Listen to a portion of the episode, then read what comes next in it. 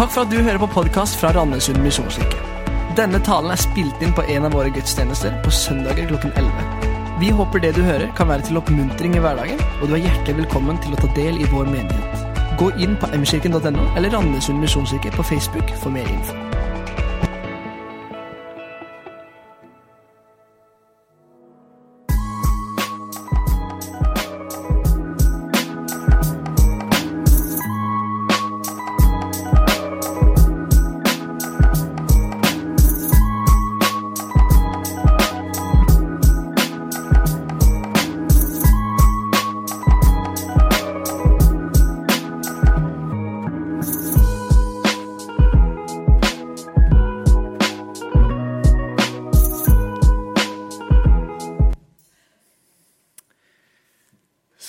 Har skjønt, så starter vi opp med en ny taleserie som vi har kalt Tross alt 2019. Og Bakgrunnen for akkurat denne tittelen det er at etter vår erfaring så er det ikke så lang tid man trenger å bruke i diskusjoner eller i kommentarfelt på nettet før man nettopp hører dette argumentet. Hallo, det er jo tross alt 2019. Ofte i forbindelse med diskusjon om kristne temaer, teologi eller etikk. Og underforstått i denne påstanden ligger jo nettopp dette at det den andre står for, er forelda, gammeldags og passé. Det skal vi snakke om de neste ukene. Og så kunne Vi ha valgt mange ulike temaer, men vi har fokusert på fire temaer som er grunnleggende i vår tro. Vi skal snakke om Bibelen, om korset, om helvete og om misjon. Og Så tenker jeg, så preger jo ikke bare disse innvendingene hva skal vi si, samfunnet omkring oss. Men dette er jo temaer og diskusjoner som også har vært ganske eh, aktive i både kirkelig debatt og i kristne debattspalter. Og så tenker jeg, og så er det mange av oss da, som blir litt sånn usikre. Ja, hva skal, vi, hva skal vi tenke om disse temaene, egentlig? Og så har vi lyst til å aktualisere det. Så denne taleserien blir kanskje litt mer sånn trosforsvarsmessig, apologetisk, som vi sier det, enn det vi ofte har.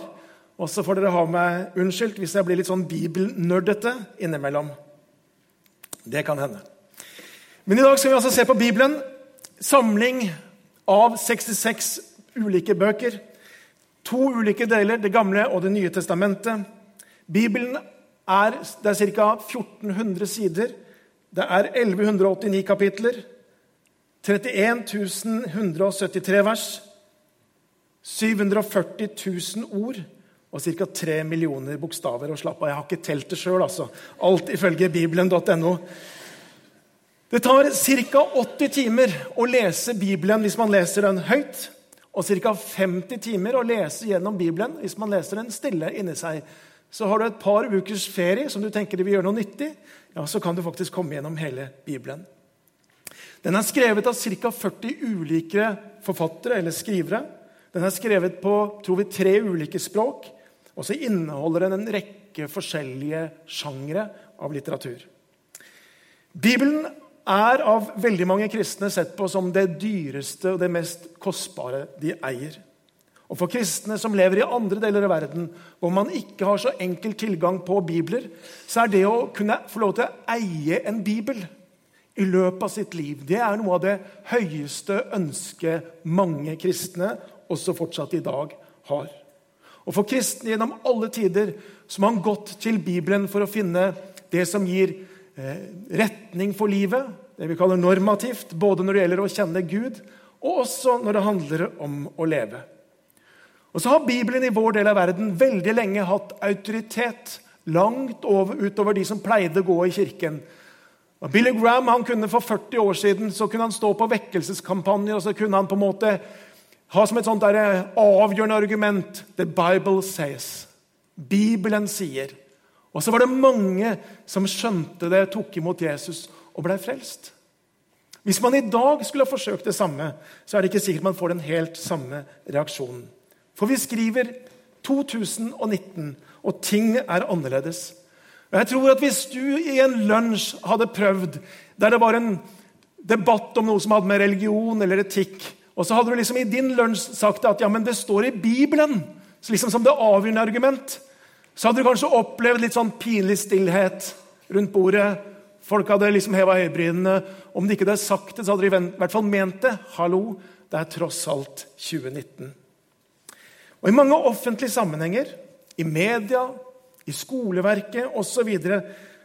Hvis Bibelen siteres, noe den ikke så ofte gjør, men hvis den gjør det, ja, så passer man gjerne på i samme kontekst å si noe som gjør at man skal liksom forstå at her må vi ta det med en klype salt. Man bruker gjerne uttrykk som at Bibelen hevder, Bibelen påstår osv. Eller det karakteriseres som et kontroversielt utsagn som vi har i Bibelen. sånn og sånn.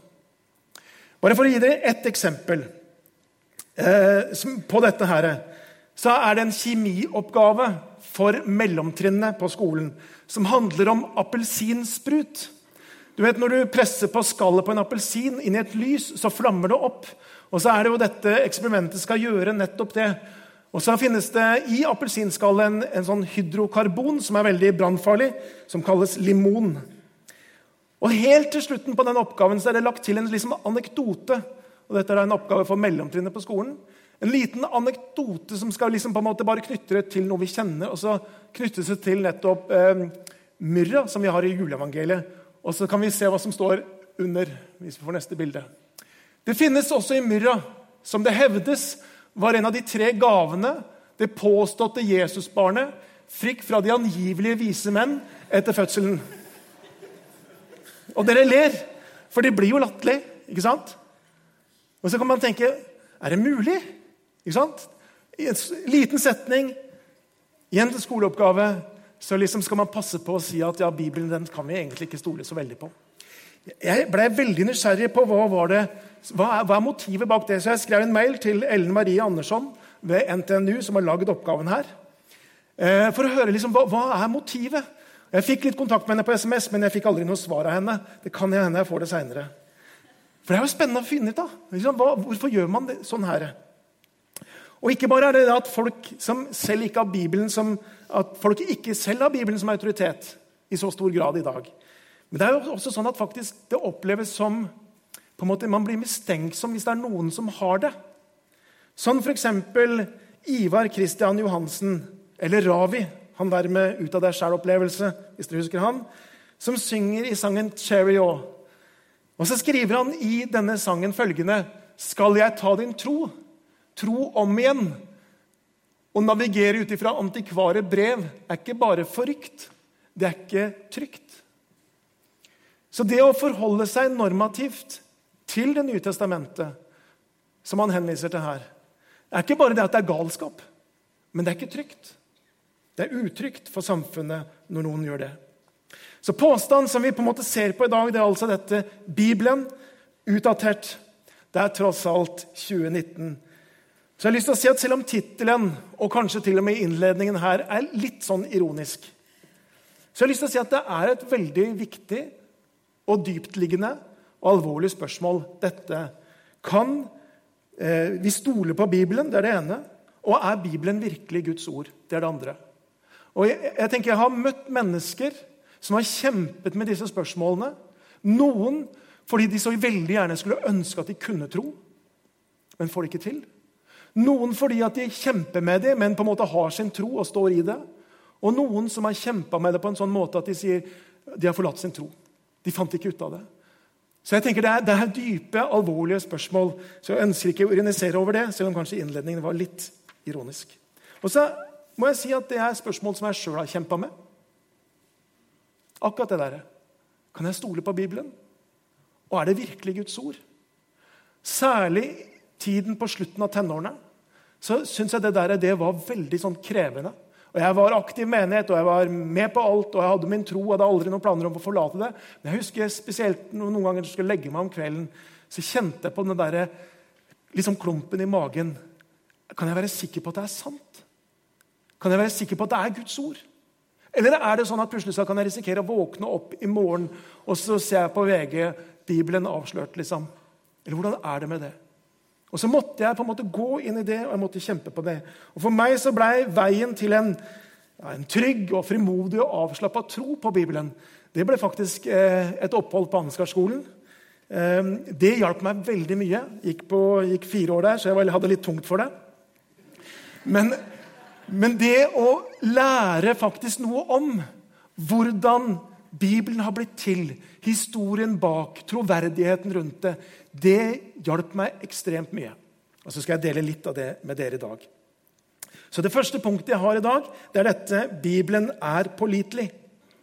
Og Vi skal ta utgangspunkt i en tekst fra Lukas evangelium. Ja, faktisk starten på Lukas evangelium, fra kapittel 1 og fra vers 1. Og vi leser i Jesu navn. Mange har forsøkt å gi en fremstilling av det som har blitt oppfylt blant oss, slik vi har fått det overlevert av dem som helt fra først av var øyenvitner og tjenere for ordet. Nå har jeg også bestemt meg for å gå nøye gjennom alt fra begynnelsen av og skrive det ned for deg i sammenheng, ærede Theofilus, så du kan vite at det er pålitelig, det du har fått opplæring i. Skal vi be om at Herren kan åpenbare ordet for oss. Himmelske Far, jeg takker deg for ordet som vi har iblant oss. Og så ber jeg at du må ja, gi oss det vi trenger denne formiddag. Så ser du Vi er forskjellige, og vi kommer også til dette spørsmålet fra så forskjellig kant. Jeg ber at du skal gi hver eneste en her noe, Jesus, fra deg, som kan hjelpe oss til å stå i dette midt i den tiden som vi lever i. I Jesu navn. Amen. Noe av det som Ansgar ga meg en veldig sånn boost når det gjaldt min tillit til Bibelen, det var nettopp det å lære noe om hvordan Bibelen hadde blitt til. For det jeg aldri hadde tenkt på, det er at denne boka her, den har en historie. En historie som vi faktisk kan følge tilbake. Så har vi, kom Gutenberg med trykkekunsten, og så ble det trykt bibler i hopetall som ble publisert og distribuert rundt omkring i hele verden. Og så Før Gutenberg så var det jo munker og skrivere som satt og håndoversatte og kopierte Bibel. Og sånn har man gjort til alle tider før trykkerikunsten. Så Derfor så har det vært sånn at hver generasjon de på en måte kopierte nye utgaver eller nye eh, kopier av den bibelske teksten.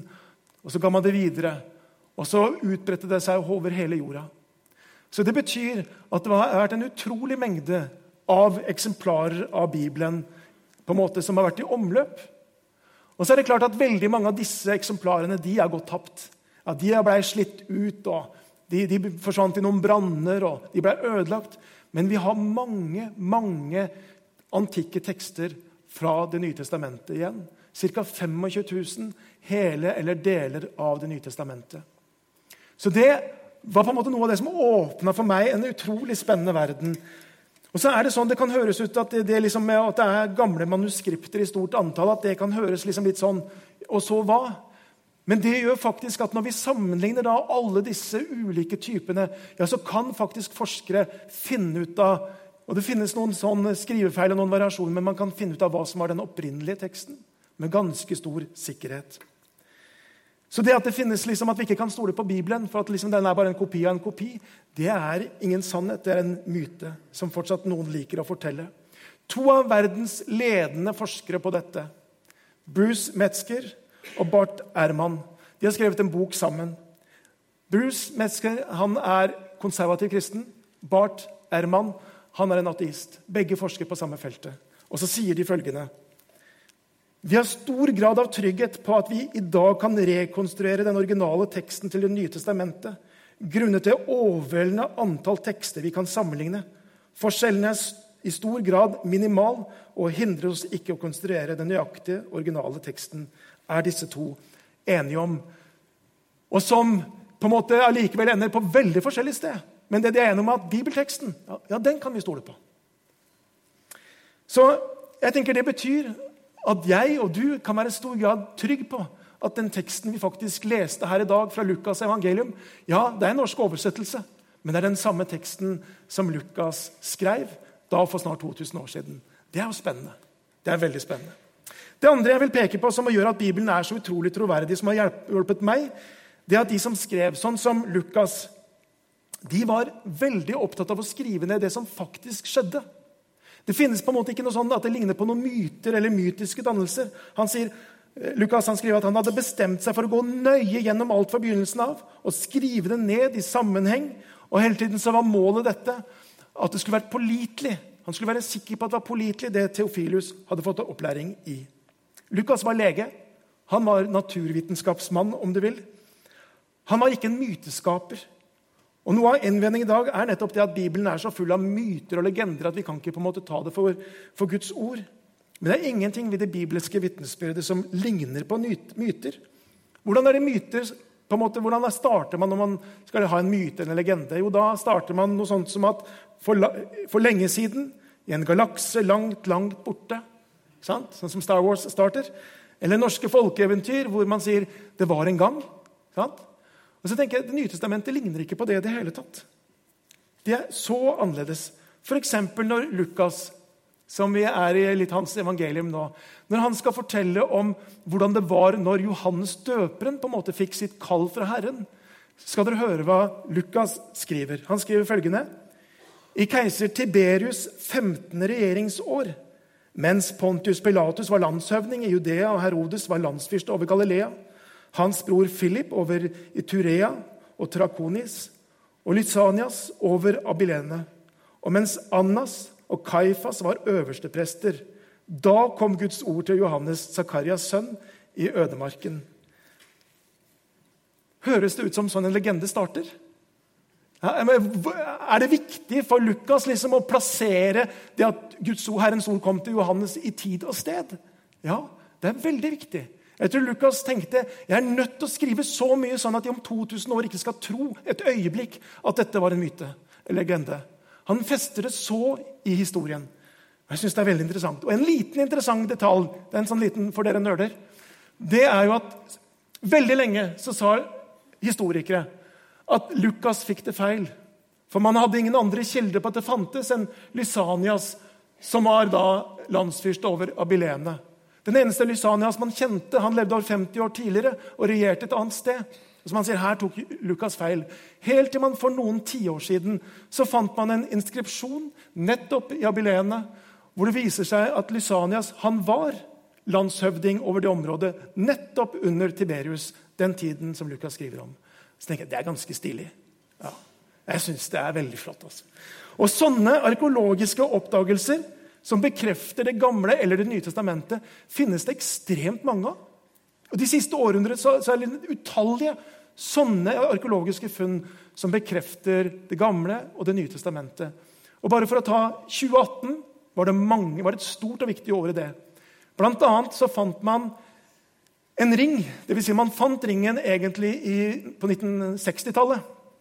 Men i 2018 så hadde man teknologi som gjorde at man klarte å lese inskripsjonen på denne ringen som man ikke hadde klart å tyde før. Vet ikke om dere klarer å se hva som står der. Men det forskere sier at det står, og det er ganske stilig, det er at dette er en signettring. Det er en sånn en ring som den som har myndighet og regjerer, på en måte bruker som et bevis på den myndigheten han har. Og I denne signettringen så står det ett navn. Det står Pilatus. Ja, Det er ganske stilig at man oppdager det. I 2018 så blir man klar over at denne signeringen den har faktisk inskripsjonen Pilatus. Han som dømte Jesus til det døde. Om det var hans eller noen av hans regjering, det vet man jo ikke. Men det syns jeg er ganske stilig. En annen sånn opplysning som man fant i fjor, det var at man fant et stempel, en, en bula heter det. Et sånt, uh, Man liksom kunne stemple på ulike ting. Og på denne stempelet her så mangler det riktignok én bokstav, men det det høyst sannsynlig står, det er profeten Jesaja. Den fant man nær tempelhøyden i 2018. Og I 2015 så fant man et annet stempel, en annen bula rett i nærheten. Og På den bulaen det stempelet så står det 'Kong Hiskia av Judea'. Og Kong Hiskia og Jesaja i Bibelen så er de nevnt sammen 17 ganger. Det var to stykker som, som på en måte hang sammen, og så finner man de to stemplene på samme sted. Jeg tenker, Det er stilig. Og igjen og igjen og igjen. Jeg kunne fortsatt med dette masse, men vi skal la det ligge med det. Men jeg tenker, disse funnene bekrefter Bibelen, og så kjenner jeg at det gir meg en sånn tro på at dette er troverdig, det vi forholder oss til. Et annet, Det tredje punkt som jeg har lyst til å peke på, som gir evangeliene troverdighet, det er at det er øyenvitneskildringer. Det er også det Lukas skriver i det verset vi starta med. Han skriver at han har forsøkt å gi en fremstilling av det som blir oppfylt blant oss, slik vi har fått det overlevert av de som helt fra først av var øyenvitner og tjenere for ordet. Og så sier Johannes han sier det slik i sitt første brev. Det som var fra begynnelsen, det som vi hørte, det som vi har sett med egne øyne, det vi så, og som hendene våre tok på, det forkynner vi livets ord. Det var viktig for apostlene, for disiplene, å understreke, og de gjorde det igjen og igjen og igjen. Vi har sett det. Vi er øyenvitner. Vi forteller om det vi har sett. Vi forteller ikke om noe annet. Det er ikke myter, sier Peter. Er, vi er øyenvitner. Igjen og igjen. Og Evangeliene bærer nettopp preg av å være troverdige øyenvitneskildringer. Noen som rapporterte det som de faktisk så, og det som de faktisk henda. Og tekstene har ingen spor av det vi kan kalle legendedannelser, eller at de skal være konstruert. Her nevnes tidspunkter, detaljer om hvem som var offentlige personer på den tiden, geografiske detaljer, arkitektoniske detaljer. Alt pinlig nøyaktig. Og Evangeliene nevner en rekke navn jeg vet ikke om du har lagt merke til det, hvor mange navn som finnes i evangelieberetningene. En ting er jo hovedpersonene, disiplene, men igjen og igjen så møter vi så mange navn, også av biroller og bikarakterer. F.eks. i Jesu lidelseshistorie, sånn som det står i Markus' evangelium, så står det at de tvang en mann til å bære korset hans. Og det var Simon fra Kyrene. Og så står det far til Alexander og Rufus. Han var på vei inn fra markene. Jeg vet ikke om du har tenkt på det, Hvorfor nevne navnet på hvem som måtte bære Jesu kors? Her står det både fornavn og etternavn. Altså, ikke sant? Simon fra Kyrene. Så de vil liksom kunne si det var akkurat han. Og så ikke bare det, så står det også at han var far til to gutter. Alexander og Rufus. Hvorfor står det midt i evangelieberetningene? Og Den eneste logiske forklaringen på det det er jo at Alexander og Rufus de var kjente. De som først leste Markus' evangeliet, det det var skrevet til, de visste hvem Alexander og Rufus var. Og Hvis de ville på en måte ha bekrefta historien, ja, så kunne de gå til de, eller til Simon eller til noen av de som var der. Og Det er en forsker som har sagt at alle navnene i evangeliene de virker, eller på en måte har samme funksjon som i dag vi har fotnoter i vitenskapelige tekster. Det var en invitasjon til 'gå og sjekk det ut', hvis dere lurer på det. Gå og sjekk det ut. Her er det åpent. Det kan etterprøves. En annen detalj som taler for at det er ærlige og sanne øyenvitneskildringer, det er jo alle de pinlige detaljene som er tatt med. Og Hvis det var liksom disiplene som konstruerte teksten etterpå, ja, så hadde de neppe tatt med at Peter fornekta. Jeg mener, Det ikke sant? Det blir jo bare kleint. Eller at Thomas hadde vanskelig for å tro. Eller at Jakob og Johannes kommer, eller mora deres kommer til Jesus og sier kan vi sitte på hver vår side av din trone. Jeg mener, Disse pinlige detaljene de hadde jo ikke vært med hvis det hadde vært konstruert etterpå. Så Den eneste logiske forklaringen det er jo faktisk at det var sånn det skjedde, og at det er øyenvitneskildringer. Og så bare en sånn liten historisk greie igjen, et lite historisk fakta som jeg syns er veldig artig. Kirkefader Papias han døde ca. år 150. Er det greit med litt sånn nerdefakta? Dere andre som ikke er opptatt av det, dere kan kutte ut eller koble ut. Men i hvert fall Papias han var kirkefader. Levde da opp mot 150. Han døde da. Han levde altså på slutten av det første århundret og opp igjennom et stykke. Han skrev mange skrifter, vi har bare litt, noen fragmenter igjen, i ca. år 110. Og I et av disse fragmentene så forteller han om når han var ung, trolig, at han hadde sittet sammen med de som ennå var øyenvitner. De som ennå levde av de første. Og så sier han følgende i Eh, et av sine skrifter. Han sier, 'Jeg spurte om ordene til de eldste.'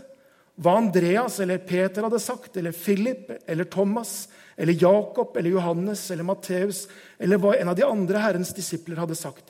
For jeg tenkte at informasjon fra bøker ikke ville være så nyttig for meg som informasjon som kom fra virkelige og levende stemmer. Papias, kirkefader, han lever i overgangen ikke sant? på slutten av der de, de, første levde. Og så fikk han høre informasjon. Så står det at han hadde noen bøker, noen tekster også. Men han syntes det var på en måte enda viktigere å høre informasjon fra de som levde. Så, tenker så Det bekrefter igjen og igjen at det er pålitelig, det som vi har blitt opplært i, og det som Lukas sier at Theofilus har blitt opplært i. Og For meg har det vært sånn at jo mer jeg graver i dette, jo mer jeg undersøker, jo mer jeg leser, jo mer jeg på en måte finner ut av ting, jo mer troverdig blir denne boka her. Jo mer vitenskapen har gått framover, jo mer arkeologien finner ut, jo mer bekrefter det denne boka her. Og så tenker jeg den er pålitelig. Jeg har lyst til å si Det er tross alt 2019. Vi vet ganske mye. Så det var eh, det ene. Bibelen er troverdig, Bibelen er pålitelig. Et annet spørsmål som vi må stille, det er hvilket syn skal vi da ha på Bibelen? For én ting er jo at den er pålitelig, at den eventuelt er historisk. Men er det Guds ord? Eller hva er det? Er det menneskeord, eller er det Guds ord? Hvilket bibelsyn er det vi skal ha? Det er et stort og krevende teologisk spørsmål, men for meg har det der egentlig alltid vært ganske enkelt. Jeg tror at Bibelen er troverdig. Jeg tror evangelieberetningene om Jesus er ærlige og sanne. Jeg tror de er øyenvitneskildringer som skildrer det som faktisk skjedde, også når det gjelder Jesu oppstandelse. Jeg snakket om det sist søndag. Og Det betyr at hvis Jesus sto opp fra de døde, ja, så tror jeg han er den han sa han var Guds sønn. Og hvis Jesus er det, så tenker jeg da har jeg lyst til å ha det samme bibelsyn som Jesus hadde. Det er egentlig ganske enkelt for meg. Jeg har lyst til å ha det samme bibelsyn som Jesus hadde. Den samme respekt for Skriftene som Jesus hadde. Det samme perspektiv på de bibelske bøker som Jesus hadde. Så det er mitt andre punkt. Jesus syn på Skriften. Så hva er Jesus syn på Skriften? Hvordan er det han på en måte anser den? To vers som sier noe om det, og så skal jeg si noe annet etterpå. Men det står i Johannes 10, 35, hvor det står følgende De som Guds ord kom til og Så kommer det noe som jeg har tatt ut her, men, og så står det og Skriften kan ikke settes ut av kraft. Jeg har bare lyst til at dere skal legge merke til to ting. Det ene er at Jesus kaller Skriften, Det gamle testamentet, det var jo den Bibelen han hadde, for Guds ord. Og er tydelig på det. Og på det andre sier han at Skriften kan ikke, skal ikke, settes ut av kraft. Den skal ikke gjøres ugyldig. Den gjelder. Det er de to tingene Jesus sier i det verset. Og Det andre verset som jeg har lyst til å peke på, er fra Matteus 5, 17-18, hvor han sier følgende.: Tro ikke at jeg er kommet for å oppheve loven eller profetene. Altså Det gamle testamentet. Jeg er ikke kommet for å oppheve, men for å oppfylle. Sannelig, jeg sier dere, før himmel og jord forgår, skal ikke den minste bokstav eller den eneste prikk i loven forgå, for alt, før alt er skjedd. Altså Jesus sier her Jesus oppfyller loven, opphever den ikke, men oppfyller den. Og at Guds ord skal aldri få gå.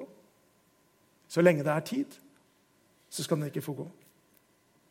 Og noen tenker og sier følgende jeg vet ikke om jeg kan stole på Bibelen, er Guds ord. Og For meg er det sånn at når Jesus stoler på Bibelen som Guds ord, så tenker jeg så holder det for meg. Da har jeg også lyst til å stole på den, sånn som Jesus gjør at vi skal. Og så betyr det også at Det gamle testamentet Vi må lese det gjennom det nye. Det ligger også i noe av det Jesus sier her. Og vi må forstå også Det gamle testamentet, at det peker fram mot Jesus. Han har oppfyllelsen. Et annet perspektiv som jeg syns er litt interessant, det er hvordan vi i Lukas 4 så hører vi hvordan Jesus går inn i en synagoge.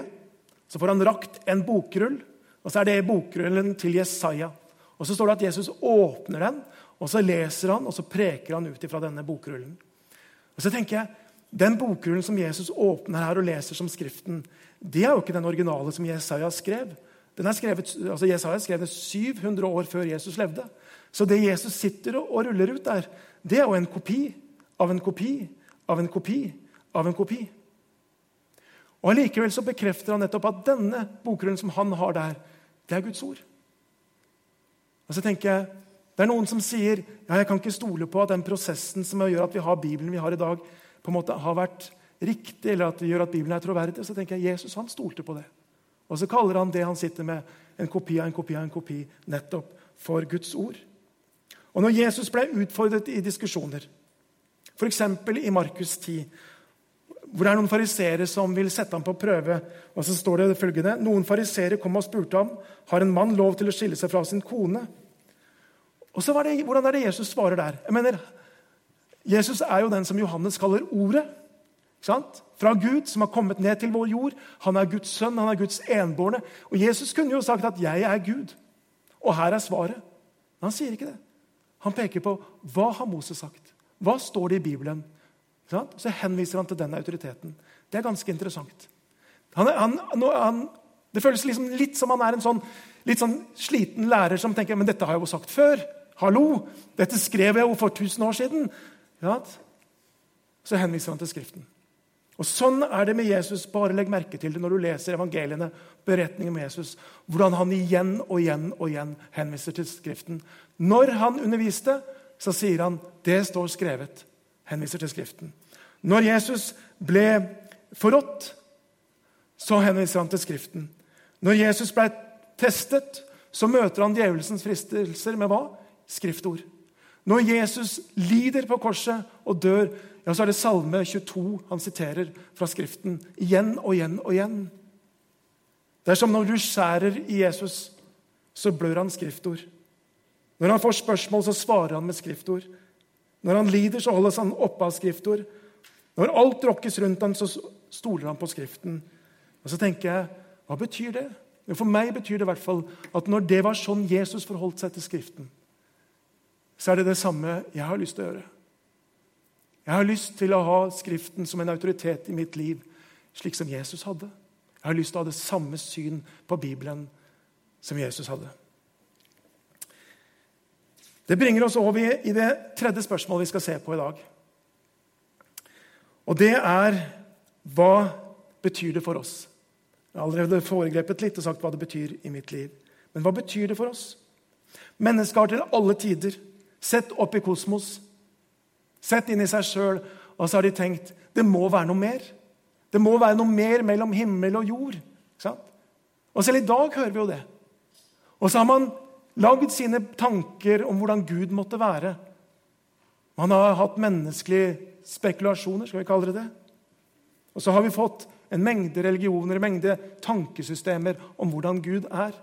Men det som er unikt med Skriften, det er at den forteller at Jesus kom til vår jord og åpenbarer, viser for oss alle hvordan Gud er. Jesus kaller i Johannes evangeliet for Ordet. I begynnelsen var Ordet. Ordet kom til verden. Ordet kom. Hebrevet står det at, at uh, det er mange måter tidligere vi har blitt åpenbart ordet for, men nå har han kommet i Jesus Kristus. Så Jesus åpenbarer for oss, viser oss hvordan Gud er, og det er det nye. Gud er ikke slik som mennesket tenker han er, men Gud er slik som han har åpenbart seg i de 66 bøkene i det som er vår bibel. Og 1. Tessalonikerbrev, kapittel 2, vers 13, sier det sånn Derfor takker vi stadig Gud. For da dere fikk overlevert det Guds ord som vi forkynte for dere, tok dere imot det. Og hør nå ikke som menneskeord, men som Guds ord, det de sannhet er. Og dette ordet er virksom i dere som tror. Bibelen er altså ikke menneskeord, men Guds ord. Og hvilken holdning skal vi da personlig, du og jeg, ha til Bibelen? Og det er mitt tredje spørsmål, som jeg har lyst til å stanse ganske kort ved.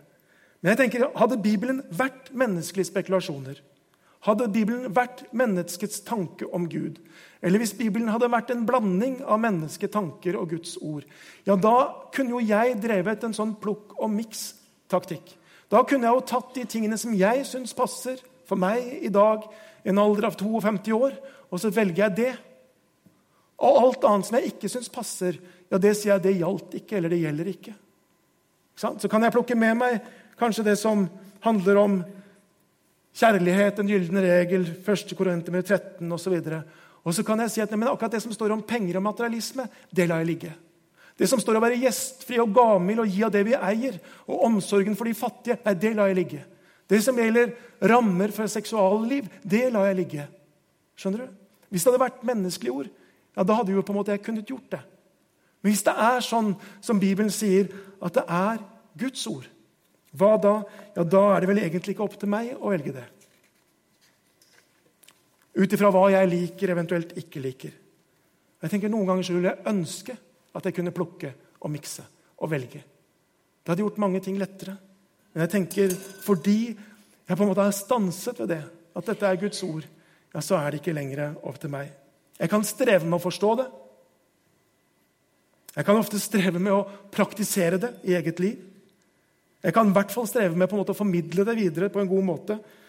Kanskje også i dag. Men jeg tenker jeg må forholde meg til at det er Guds ord. Og så på en måte må jeg streve med det, og noen ganger kjenne på den spenningen med å stå i det. Skriften tenker jeg er i sannhet Guds ord. På, tilgjengelig på vårt eget språk. Om vi virkelig vil høre Gud tale, ja, så finnes det her. Ingenting burde ha influere oss mer, ingenting burde bety mer i våre liv enn Guds ord. Jeg tenker Vi, vi står i en strøm av informasjon hver eneste dag. Det er på en måte bare, det er som en brannslange inni vårt liv. Men jeg tenker Da er det så viktig at vi faktisk lar dette prege oss, påvirke oss, forme oss mer enn noe. Bibelen har alt vi trenger for å kjenne Gud. Bibelen har alt vi trenger for å lære Jesus å kjenne og finne vei til evig liv. Bibelen har alt vi trenger også for å kunne navigere våre liv i en verden som er mer og mer kompleks og vanskelig. Vi har det her i Bibelen. I Misjonskirken og i misjonskirkene så har vi ingen trosbekjennelse. Vi sier isteden følgende Bibelen er menighetens eneste rettesnor for tro, liv og lære. Altså jeg tenkte, Det ønsker jeg det skal være i mitt liv også. Jeg ønsker at Bibelen skal være rettesnor i mitt liv for hvordan jeg tror, for hvordan jeg lever, og hva jeg lærer. Og Fordi at jeg er pastor, så har jo jeg et ansvar om å lære i tråd med Guds ord. Og det, på en måte, det ansvaret det kjenner jeg hviler tungt på meg. Jeg er opptatt av at det som blir sagt herfra, at det faktisk skal være i tråd med Guds ord. At det skal være en aktualisering, men en tråd med Guds ord. Og det er mitt ansvar. Og så tenker jeg, Ditt ansvar, hva er det? Du som hører. Jo, det er jo at du tar det som blir sagt herfra, uansett hvem som taler, og så må du prøve det på Guds ord. Stemmer det? Det er ditt ansvar. Og så er det et annet som er ditt ansvar. Det er jo hva gjør jeg i så fall med det? Hva gjør jeg i så fall med det? Hvilken autoritet skal jeg la Guds ord ha i mitt liv? I forhold til hvordan jeg tenker, i forhold til hvordan jeg lever. En pastor han ble spurt følgende Om du kunne velge én ting, én ting som hele menigheten kollektivt praktiserte, hva ville du da ha valgt? Hva hadde du tenkt på? Skulle jeg da valgt Og han sa det. Jeg tenkte på kanskje jeg kunne valgt tiende. Da hadde vi sluppet så mange sånne kjipe økonomimøter osv. Det hadde vært bra. Så tenkte han men jeg kanskje heller jeg skulle valgt å tenke hvordan kan hver eneste en være en virkelig en hverdagsevangelist som inviterte bredt inn til grupper og til gudstjeneste og på en måte tok evangeliet ut. Kanskje det. Og så var det en som sa, eller så sa han det samme. Eller kanskje jeg skulle ha valgt det der å virkelig leve Jesu kjærlighet ut i sitt nabolag, der man er, på jobb, vise barmhjertighet mot de som lider, osv. Og, så sa han nei. Så landa han på følgende Det han aller helst ville at hele menigheten kollektivt skulle praktisere, det var å lese dette, denne boka, Bibelen, hver eneste dag og ha det som autoritet for sitt liv. Og så sa han, For da kommer alt det andre til å skje. Det starter her. Helt til slutt Tenk dere det at her har Gud åpenbart seg for oss også oss som sitter her. Hva betyr det? Jo, det betyr at Gud er en Gud som vil ha kontakt, som vil ha fellesskap, som vil ha relasjoner med mennesket, med oss, med meg og med deg. Gud har åpenbart seg. Og Sånn sett så er jo Bibelen på mange måter et kjærlighetsbrev til oss. Det er en invitasjon til relasjon og til å ha fellesskap og vennskap med oss. Og jeg tenker, Det er også det, der det starter. Det er det første steget. Også inn i dette som har med måte å ha Bibelen som en autoritet i sitt liv. Men det starter der med å få en relasjon og et vennskap med Gud. Og den, det er bare av nåde. Det er ikke fordi vi har blitt gode nok, men det er fordi at Jesus har gitt sitt liv på korset, som vi skal snakke om neste gang. Og så kan vi få lov til å ta imot hans nåde og hans invitasjon også inn i dette med å leve livet sammen med ham. Skal vi be. Kjære Jesus Kristus. Jeg takker deg for ditt ord, og jeg takker deg for den troverdighet som ordet ditt har, faktisk også i 2019. Jeg takker deg for alle de som forsker og som undersøker og som leiter og som finner og som stadig finner ting som bekrefter ditt ord, Herre. Og så ber jeg Herre om at vi må kjenne at vi kan stå trygge i det, også i den tiden vi lever i. Og så ber jeg helt spesielt, hvis det er noen her som kjemper med akkurat disse spørsmålene, sånn som jeg kjempa med det, Herre, at du må hjelpe dem til å finne vei gjennom det de kjemper med Jesus, gjennom det som er vanskelig, gjennom tvilens landskap. At de må kunne komme ut i et, et åpent landskap, Jesus, i frimodig tro til deg, Herre. Du kjenner den enkelte av oss her inne, og så ber jeg at du kan fortsette å røre ved våre liv, Herre. Amen.